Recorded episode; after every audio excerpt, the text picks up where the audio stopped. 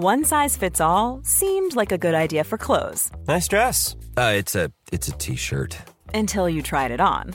Same goes for your healthcare. That's why United Healthcare offers a variety of flexible, budget friendly coverage for medical, vision, dental, and more. So, whether you're between jobs, coming off a parent's plan, or even missed open enrollment, you can find the plan that fits you best. Find out more about United Healthcare coverage at uh1.com. That's uh1.com.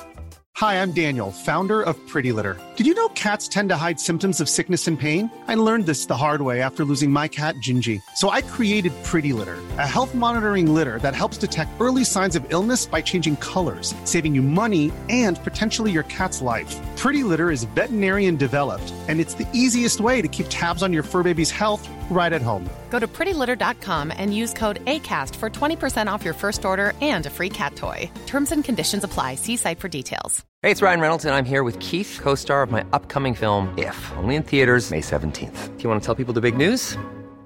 All right, I'll do it. Sign up now and you'll get unlimited for $15 a month in six months of Paramount Plus Essential Plan on us. Mintmobile.com slash switch. Upfront payment of $45 equivalent to $15 per month. Unlimited over 40 gigabytes per month. Face lower speeds. Videos at 480p. Active Mint customers by 531.24 get six months of Paramount Plus Essential Plan. Auto renews after six months. Offer ends May 31st, 2024. Separate Paramount Plus registration required. Terms and conditions apply if rated PG. Even when we're on a budget, we still deserve nice things. Quince is a place to scoop up stunning high-end goods for 50 to 80% less than similar brands. They have buttery soft cashmere sweaters starting at $50, luxurious Italian leather bags, and so much more. Plus, Quince only works with factories that use safe, ethical, and responsible manufacturing. Get the high-end goods you'll love without the high price tag with Quince. Go to quince.com slash style for free shipping and 365-day returns.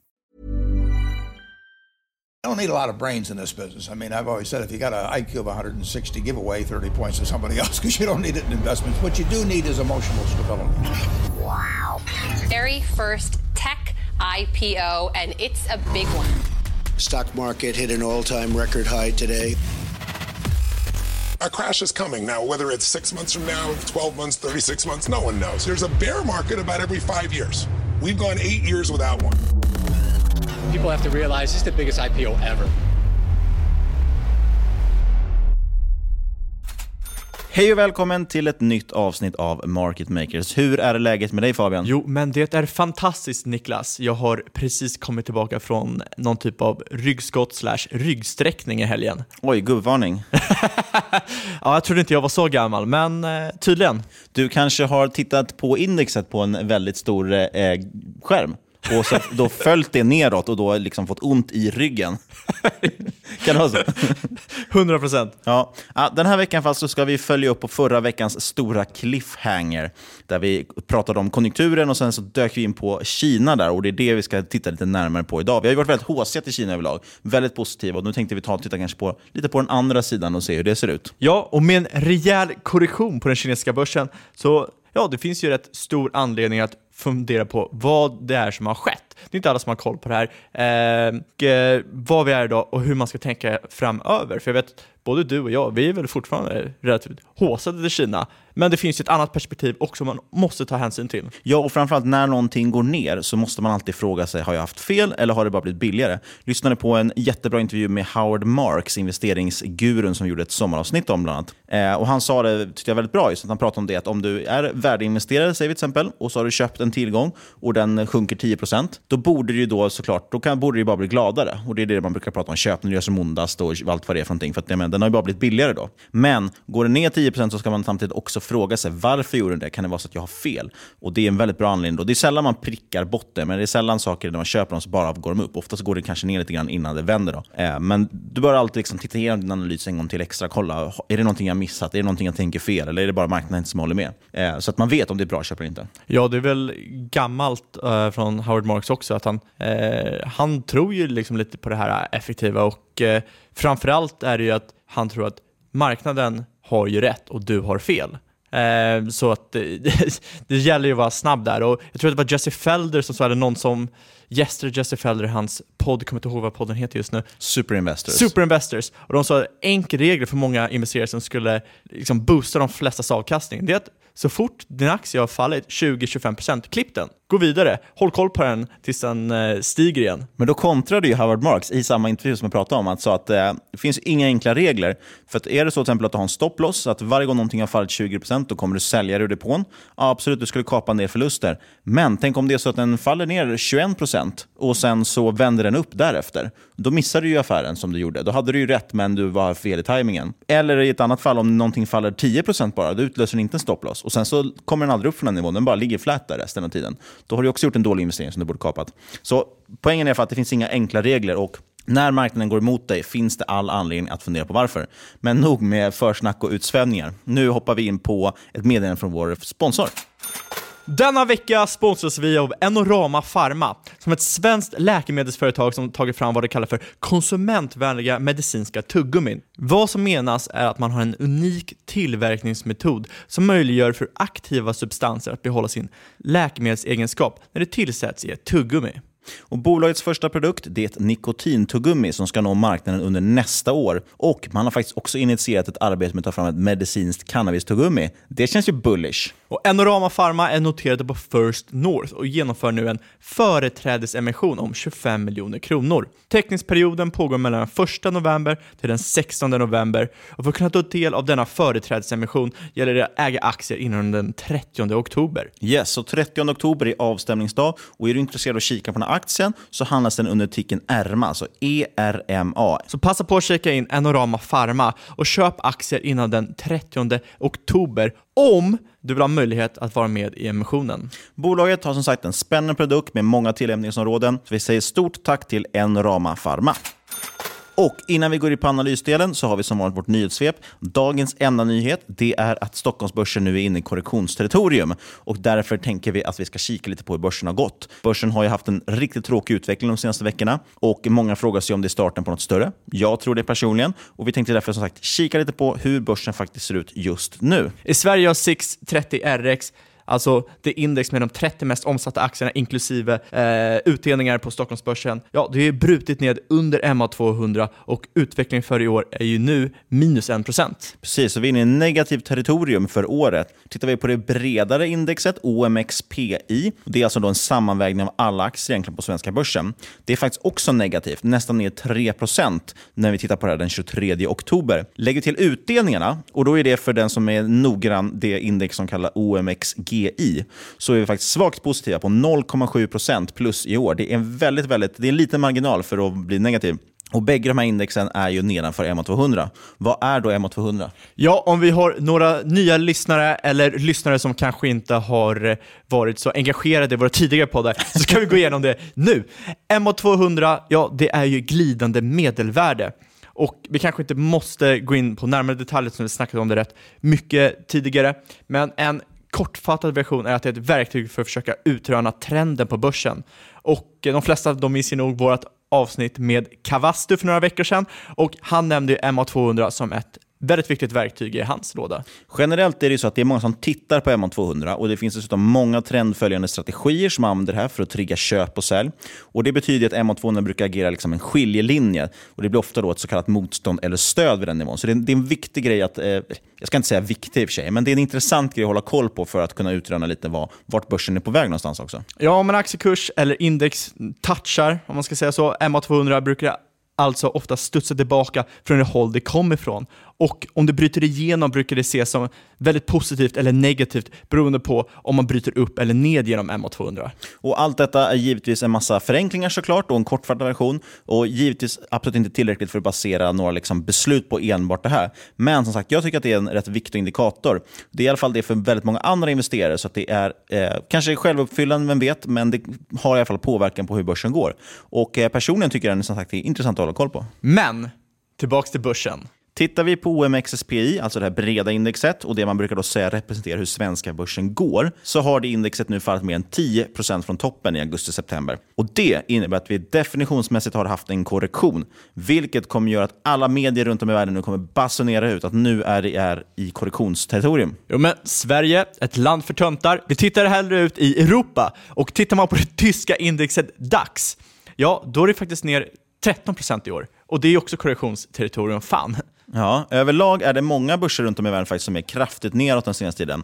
Ett av få undantag det är ju USA, där Dow Jones ligger och kretsar kring plus minus noll för året. Tekniktunga Nasdaq, som faktiskt har dragit på mest i år, den är upp 5% för året, men också ner snart 10% sedan toppen i september. Även där kliver vi in då i korrektionsterritorium, så att säga. Och all, nästan alla de här har brutit ner under mot 200 också. Ja, så vi ser ju korrektioner runt om i hela världen. Och egentligen betyder det här kanske inte så mycket annat än att ja, det kanske kommer göras en massa reportage i media världen över och eh, ja, där man kanske pratar om att ja, man är inne i en korrektionsfas just nu.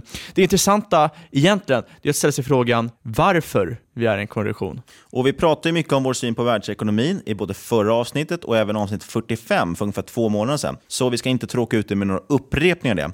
Men som sagt, så här i korrektionstider kan det ju vara en idé att lyssna om på de avsnitten för att försöka förstå varför börsen har handlats ner. Många säger som sagt att börsen ser rimligt värderad ut och att vinsterna är goda. Och det är ju sant, men man glömmer ju att börsen är framåtblickande. Vi räknar lite på large cap i Stockholm, alltså de största bolagen på svenska börsen. Och viktar man efter marknadsvärde, ja då har vi ett P på 18. Och det är inte allt för dyrt med tanke på att vi har kraftig vinsttillväxt senaste året och eh, låga räntor. Ja, och eh, vänder man på det så får man ju earnings yield, alltså ett omvänt PE, och det ligger på nästan 6% Direktavkastningen på det här indexet är 3,6% Det är inte några dåliga siffror. Det låter ju lite, lite bra, men precis som vi pratade om i förra, föregående avsnitt så är vi troligtvis nu på peak earnings, vilket betyder att börsen blickar framåt och ser att okay, nästa år kommer bli svårare att slå. Eh, vi har en ekonomi som ser ut att hålla på att stanna upp ganska mycket och då betyder det att eh, ska vi behålla de här priserna och vinsterna kommer börja sjunka, ja då kommer vi få ett mycket högre P så därför börjar vi justera för det redan nu. Och som sagt, vi har ju sett det här i många sänkta prognoser från bolagen och en hel del vinstvarningar också faktiskt. Utöver det höjs räntorna, vilket gör att vi får högre avkastningskrav och lägre marginaler i företag som låter mycket pengar.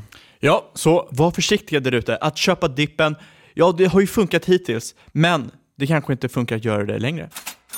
Ni som bor i Stockholm har väl knappast undgått att se de små poddtaxi som susar omkring i innerstan. Det är företaget Bzt Stockholm som äger dessa och vi är väldigt glada över att presentera dem som sponsor för veckans avsnitt. Bolaget kör nu sin andra crowdfunding för att kunna expandera flottan ytterligare och vi kommer nästa vecka prata med Sven som är VD på Bzt. Poddtaxibolagets framgång bygger på att de är lika billiga som kollektivtrafik, lika bra som taxi och samtidigt helt utsläppsfritt. Och för att läsa mer om bolaget och deras crowdfunding så gå in på bzt.se. Alltså bzzt.se. Stort tack Bzt.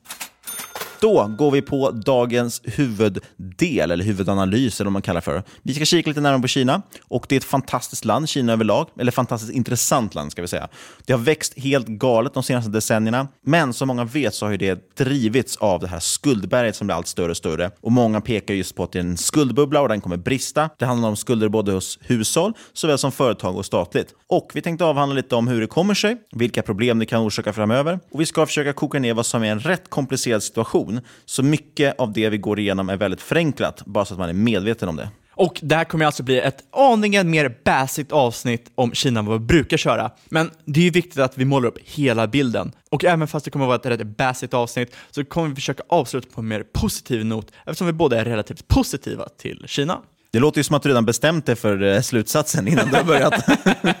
Om jag frågar dig så här Fabian, vilken var den snabbast växande ekonomin efter andra världskriget? Sovjetunionen. du har ju fuskat ju. Vilken var den snabbast växande ekonomin från 70-talet fram till 90-talet efter Sovjets inbromsning? Jo, men det är Japan. Och vad hade de två länderna gemensamt med dagens Kina? Jo, de har utnyttjat exakt samma tillväxtmodell för att ta sig från ett underutvecklat land till världsmakt på rekordkort tid. När jag var ung en gång i tiden, på 60-talet, så sa många ekonomer att Sovjet kommer gå om USA. Eh, sen på 80-talet, ja, då sa man att vad Japan skulle gå om USA. Men nu, när vi sitter här med facit i hand och är gamla och visa, så ser vi ju att det har inte blivit så. Men dagens läge, nu säger man istället att det är Kina som kommer igång med USA. Jag själv är skyldig till att säga det här. Och därför tänkte vi gå in och kolla på, kan man dra några paralleller egentligen med dagens Kina? Många underutvecklade länder, eh, till exempel jordbrukssamhällen som har låg socioekonomisk utveckling och brist på stabila institutioner, ja de har ju som man kan tänka sig väldigt dålig infrastruktur och behöver därav höga investeringsbehov, ofta från externt kapital. Men det är som du kan förstå väldigt riskabel investering. Gerschenkron, en ekonom vid Harvard under början av 1900-talet, ja, han la ju fram en teori om hur länder som Sovjet, Japan och nu Kina, ja, hur de nästan följer en mall för att komma runt det här problemet. Då är frågan, hur ser den här mallen ut Fabian? Väldigt, väldigt enkelt så handlar det om en typ av wealth transfer och det innebär ju att staten tar pengar från hushållen och eh, ja, de tar helt enkelt de får mer pengar att investera och det här investeras oftast i storskalig infrastruktur och eh, exportindustrin, vilket dramatiskt boostar ekonomin. Ja, precis. Och Det leder ju till att landet får en, en ökad BNP, en starkare BNP-tillväxt, vilket gör att det ser mycket mer attraktivt ut att investera i. Och eh, Då stoppar folk in mer pengar i det, som kan investeras i nya infrastrukturprojekt, vilket gör att landet ser ännu mer attraktivt ut att investera i. Och Då snurrar det vidare så i en loop och blir någon form av självuppfyllande kreditcykel. Det innebär att mer skuldfylld investering innebär mer utveckling, vilket innebär ökade tillgångspriser, vilket innebär mer värdefulla säkerheter, vilket, ja, ni gissar rätt, innebär ännu mer investeringar. Och så snurrar det vidare så. Ja, och till slut blir kostnaderna för skulderna högre än den ekonomiska tillväxten och då rycks ju mattan bort från under dig. Och det här kallas även för en Minsky moment och det mest kända är väl från finanskrisen 07-08. Och bara för att exemplifiera vad man har gjort i Kina så kan man titta på att Kina har historiskt då gjort på lite olika sätt, men framförallt har man gjort så att man lagt en, så att säga, en osynlig skatt kan man säga på hushåll. Och Den här skatten då, det innebär egentligen att den kinesiska regeringen de har hållit räntan och inlåningsräntan också långt under tillväxt och inflation. Och Det här var det lite vi nämnde i förra avsnittet om nominell ränta och real ränta, att man måste alltid skilja på det här. För under tidigt 2000-tal till exempel så låg BNP-tillväxten i Kina på cirka 18 procent. Det är helt otroligt. Men inflationen låg ju på 8-10 procent, vilket betyder att den reella tillväxten är då 8 procent ungefär. Utlåningsräntan den låg på 6 procent och inlåningsräntan på 2,5 procent. Det betyder alltså att du lånar pengar till 6% ränta, men inflationen ligger på låt säga 10 då, vilket betyder att du lånar alltså pengar gratis. Ja, och eh, det leder oss in på det som många snackar om är ett väldigt stort problem och det är konsumentskulderna. Och idag växer Kinas så kallade A lot can happen in three years, like a chatbot may be your new best friend. But what won't change? Needing health insurance. United Healthcare Tri Term Medical Plans, underwritten by Golden Rule Insurance Company, offer flexible, budget friendly coverage that lasts nearly three years in some states. Learn more at uh1.com. Hi, I'm Daniel, founder of Pretty Litter. Did you know cats tend to hide symptoms of sickness and pain? I learned this the hard way after losing my cat, Gingy. So I created Pretty Litter, a health monitoring litter that helps detect early signs of illness by changing colors, saving you money and potentially your cat's life. Pretty Litter is veterinarian developed, and it's the easiest way to keep tabs on your fur baby's health right at home. Go to prettylitter.com and use code ACAST for 20% off your first order and a free cat toy. Terms and conditions apply. See site for details. There's never been a faster or easier way to start your weight loss journey than with PlushCare. PlushCare accepts most insurance plans and gives you online access to board-certified physicians who can prescribe FDA-approved weight loss medications like Wigovi and Zepbound for those who qualify.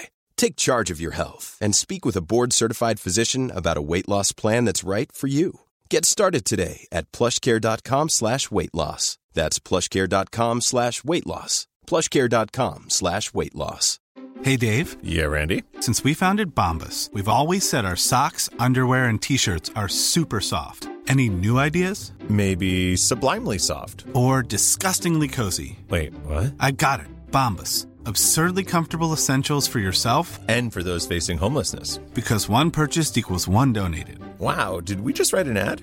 Yes. Bombas. Big comfort for everyone. Go to bombas.com slash ACAST and use code ACAST for 20% off your first purchase. Many of us have those stubborn pounds that seem impossible to lose, no matter how good we eat or how hard we work out. My solution is PlushCare. PlushCare is a leading telehealth provider with doctors who are there for you day and night to partner with you in your weight loss journey. They can prescribe FDA-approved weight loss medications like Wagovi and Zepbound for those who qualify. Plus, they accept most insurance plans. To get started, visit plushcare.com slash weight loss. That's plushcare.com slash weight loss. Consumer debt snabbare än Kinas BNP och det får ju en allt mer betydande roll i den kinesiska ekonomin. Och eh, bara de senaste två åren, då har hushållens skuld till BNP som det kallas växt från 40 till 50 procent. Och man kan jämföra det här med USA, Japan, du kan jämföra med Tyskland och Frankrike och där alla de här länderna, där har det legat flattish. Vad betyder flattish då för oss som pratar svenska? Ja, men det är att det i stort sett har legat platt. Ja, Okej, tack. Kina har växt kraftigt under vår levnadstid som vi alla vet. Kinas andel av global BNP den tiodubblats de senaste 30 åren. Från 2 1990 till hela 21% idag. Och med den här, men den här tillväxten har som sagt varit starkt skulddriven och det måste ju förr eller senare betalas tillbaka på de här skulderna. Och Det innebär att tillväxten i Kina förr eller senare också måste avta mattas ut. Och Det är det vi har börjat se nu. Sen 2008 har den kinesiska ekonomin adderat över 12 biljoner dollar i nya skulder. Det här kan alltså likställas med en den kinesiska BNP som för 2017 låg på strax över 12 biljoner dollar. Och det kinesiska banksystemet, ja det är ju fyrdubblats sedan dess och är det banksystem som är störst i världen just nu. Så det man kan säga är att skulle det hända någon typ av bankkris i Kina, ja då hade det ju drabbat alla i hela världen. Total skuld till BNP, det står idag mellan 240 till 350 procent. Och det är lite svårt att få fram en exakt siffra, så man får ta det med liksom lite av en eh, handviftning, man ska säga. Det man kan säga dock är ju att skulden alltså i Kina, den är ungefär tre gånger så stor som deras bruttonationalprodukt. Och det är ju rätt kraftigt. Ja, och det vi vill komma fram till det är att räntan på detta, det uppgår ju nu till 16 procent av BNP. Och eh, det är ju rätt mycket högre än den ekonomiska tillväxten på cirka 6-7% som vi sett eh, de senaste åren. Och bara som ett exempel för att skrämma upp er lite ytterligare. Senaste fem åren har skuld till BNP ökat med över 50%. Och enligt IMF då så har 43 fall då skuldnivån ökat med 30% på fem år slutat i katastrof i alla förutom fem fall. Det är sjukt intressant och väldigt läskigt. Och nu har vi även ett handelskrig att oroa oss över och hur det kan påverka skuldberget. Handelskrig, ja det innebär ju troligtvis stimuli från Kinas sida, vilket skulle innebära ökad statsskuld, för att inte nämna ökad corporate debt, alltså företagsskulder, när företag försöker operera med en lägre omsättning.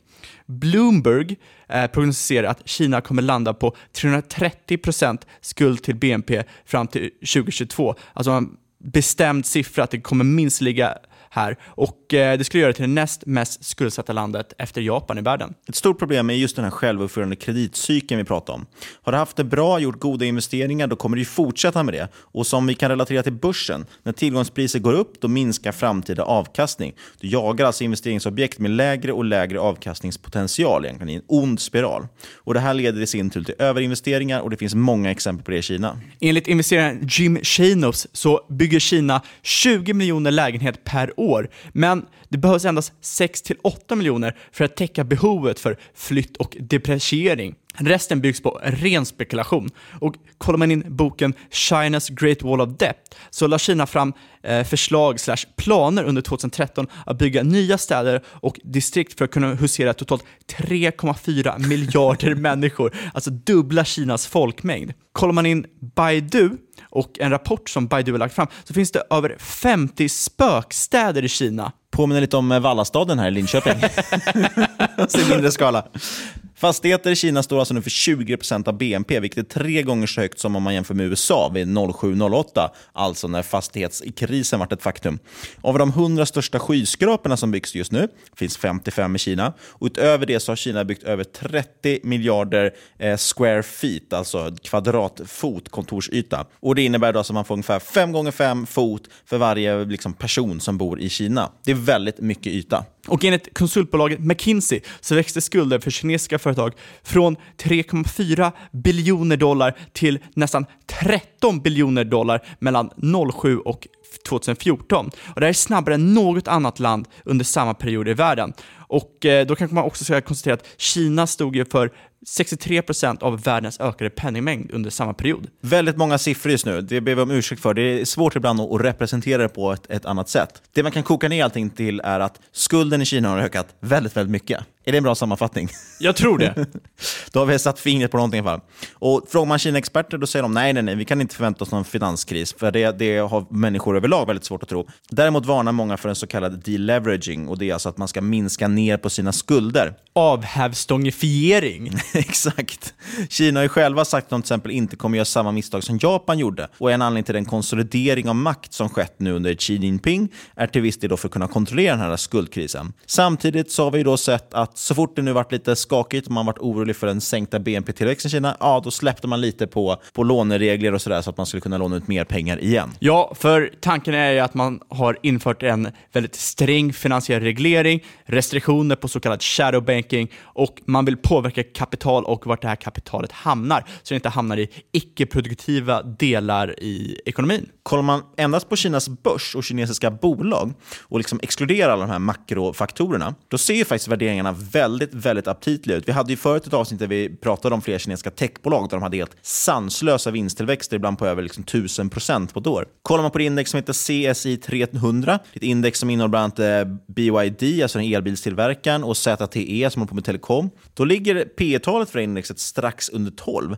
det är rätt billigt och det är framförallt en hel standardavvikelse under treårssnittet. Så det är alltså även billigt ur ett historiskt mått. Kollar man på det här ev-ebita som många gillar att titta på eftersom det säger mindre om verksamheten, så ligger det strax under 11, vilket kan jämföras med det globala runt 12. Och som Howard Marks sa, vi nämnde ju honom tidigare, ingen investering kan vara så dålig att det inte finns ett pris där det ser attraktivt ut. Frågan är dock, är värderingen attraktiva nu eller är det en så kallad värdefälla? Ja, samma fråga kan man egentligen ställa sig om alla emerging markets som just nu är väldigt billiga jämfört med S&P 500. Är den amerikanska tillväxten starkare än den kinesiska, då kommer den under den närmsta 6-12 månaderna att driva dollarn ännu högre och driva ner emerging markets ytterligare. Och Detta innebär att emerging markets kommer fortsätta ligga i bear market-territorium. De här marknaderna har även drabbats av ökade oljepriserna senaste året, något som i vissa länders lokalvaluta innebär att en kostnadsökning för energi på cirka 50-100%. Och Det här har ju också satt en väldigt stor press på konsumtionen. Eh, det blir helt enkelt en negativ spiral.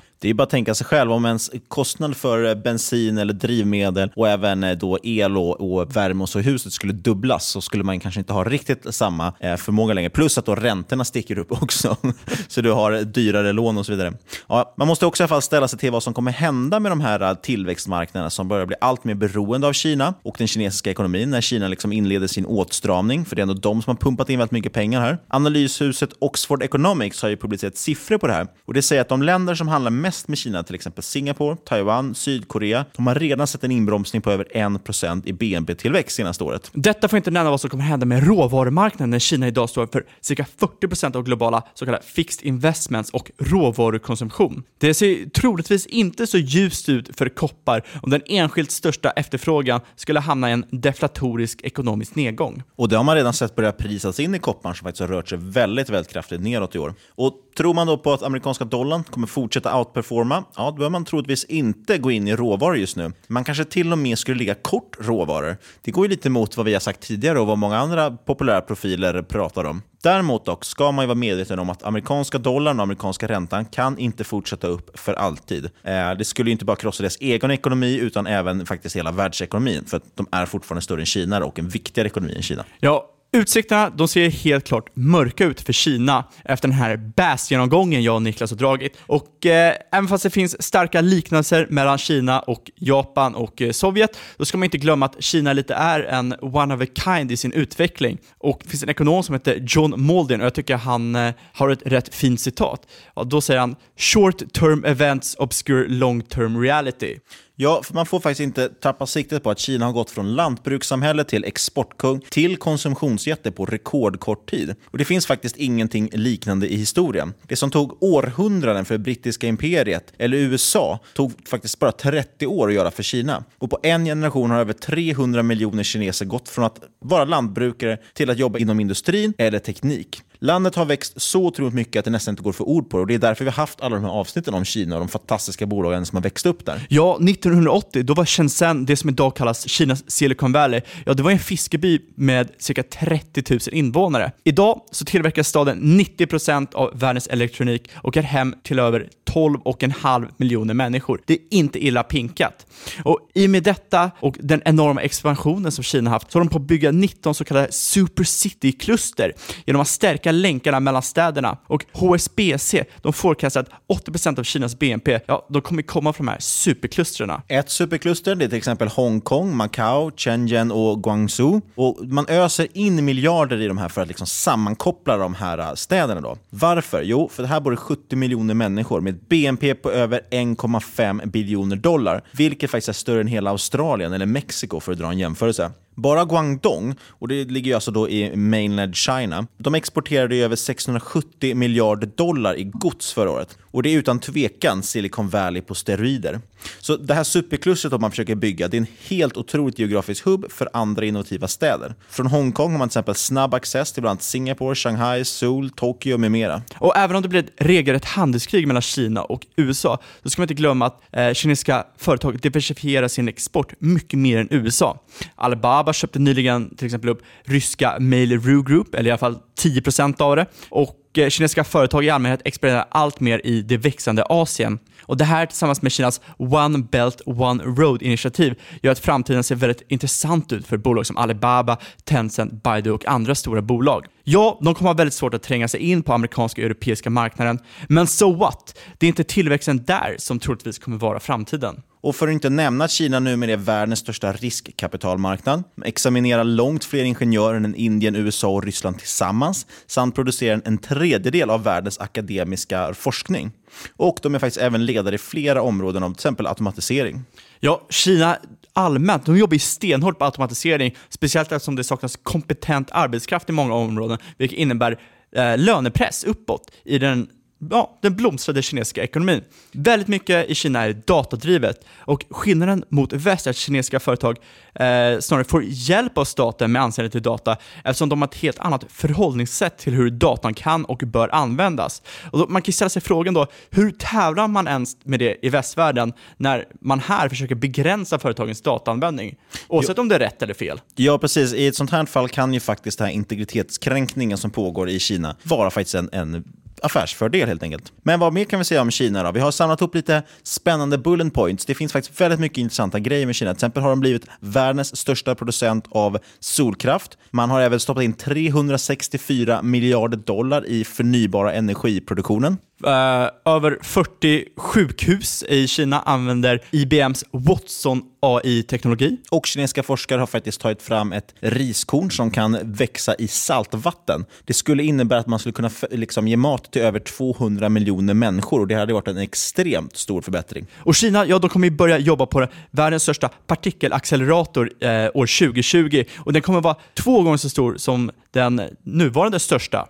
Ja, inte bara det. De ska också bygga världens största teleskop och man tror eventuellt också att de kommer bli först nu till månen igen. Det var ju länge sedan någon var där och just nu ligger väl bettet mellan Bezos och Musk, två amerikanska börs -vdr. Överlag, som sagt, så vi nämnde det här med att de kanske har lite lägre syn på det här med etik och moral och sådana saker. Det innebär också att de har faktiskt redan börjat tillåta genetiska modifieringar av mänskliga embryon och stamceller, vilket skulle kunna bli eh, rätt spännande. Ja, och om man lyssnade på vårt avsnitt om CRISPR för några månader sedan, ja i Kina då tillåter man ju faktiskt redan genredigering på människor. Det kan bli väldigt spännande när vi kommer få en miljard supermänniskor från Kina. och som sagt, Kina behöver inte gå om USA som världens största ekonomi, men som det ser ut i dagsläget, utan att veta något vad som händer i framtiden, så ser det faktiskt ut som att de kommer göra det. Och om inte annat så kommer de fortsätta vara en riktig supermakt.